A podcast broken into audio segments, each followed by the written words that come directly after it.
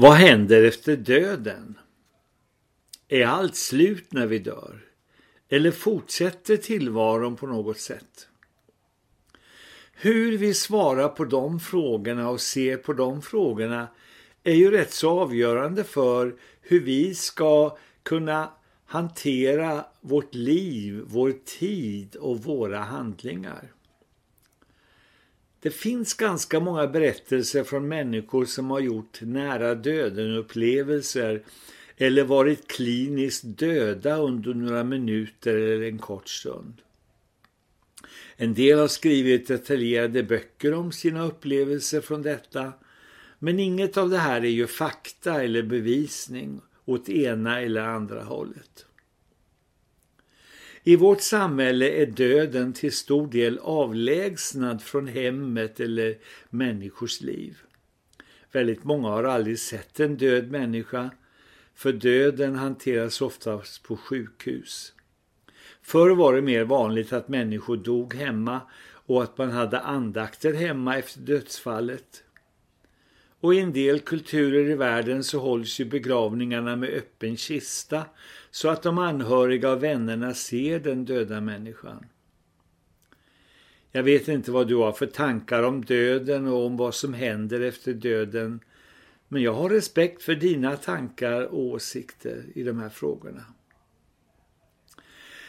I det här avsnittet kanske det ändå kan vara intressant för dig att höra lite om Bibelns och den kristna trons undervisning i de här frågorna och det tänkte jag prata lite om. I ett annat avsnitt sa jag att enligt Bibeln skapades människan med tre delar i sitt väsen. Förutom kroppen och själen skapades människan också med ande ett slags gudomlig gnista.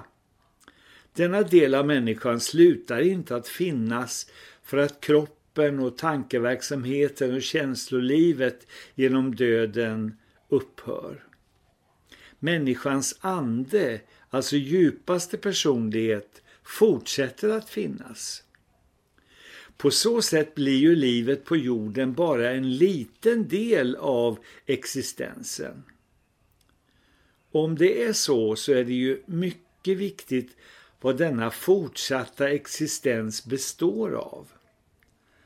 Och om det här har Bibeln inga separata kapitel eller avdelningar som systematiskt förklarar livet och döden och sen den eviga tillvaron. Det finns en rad texter och bibelhändelser som tillsammans ger i alla fall en bild av de här frågorna. Frågan om synden, om ont och gott, är en kärnfråga i det här. I Bibeln och den kristna trons universum är rätt och fel eller ont och gott inga smakfrågor som varje människa själv kan sätta reglerna för. Det är den allsmäktige guden som bestämmer reglerna för vad som är gott och vad som är ont synd med Bibelns terminologi. Gud kan inte och vill inte ha någon gemenskap med synden, ondskan, hur mycket han än älskar varje människa. Han är beredd att förlåta synden och rena människan och därför kom frälsaren Jesus till jorden och tog synden och syndens skuld på sig istället för oss. Om vi tror på det och tar emot det får vi del av räddningen, frälsningen och får evigt liv i gemenskap med Gud. En oförlåten människa går med Bibelns terminologi förlorad och får efter döden vistas utanför Guds gemenskap för alltid. För den frälsta, räddade människan finns efter dödens vila och väntan på Jesus återkomst i jorden både uppståndelse från de döda och förvandling till att bli en varelse utan defekter, sjukdomar och fel. Och sen tar för alltid en underbar tillvaro vid med ständig gemenskap med Gud och med upptäckter av vad detta ännu mer verkliga liv kommer att innebära.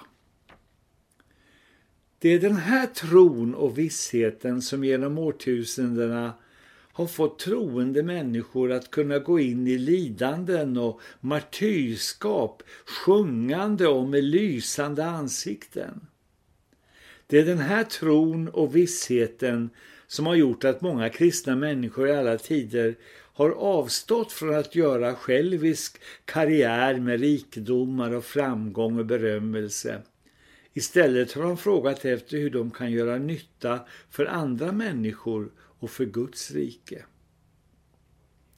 Livet på jorden med sina 40, 50, 70 eller 90 år är viktigt framför allt för att det är en förberedelse och en port till det större och mer bestående livet.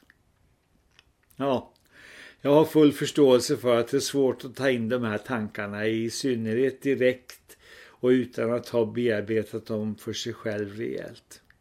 Ändå är det kanske bra för dig att höra dem. Och det finns över världen hundratals och åter hundratals miljoner människor över hela jorden som lever och om det behövs också dör för den här övertygelsen. Kanske skulle du bekanta dig med några av dem och lära känna dem bättre och höra hur de tänker och tror och lever. Du kanske redan vet om några. Annars finns de i de olika kyrkornas gemenskaper. Och mycket kan man hitta på internet och i böcker också. Lycka till i din efterforskning. Hälsningar från din låtsasmorfar. morfar.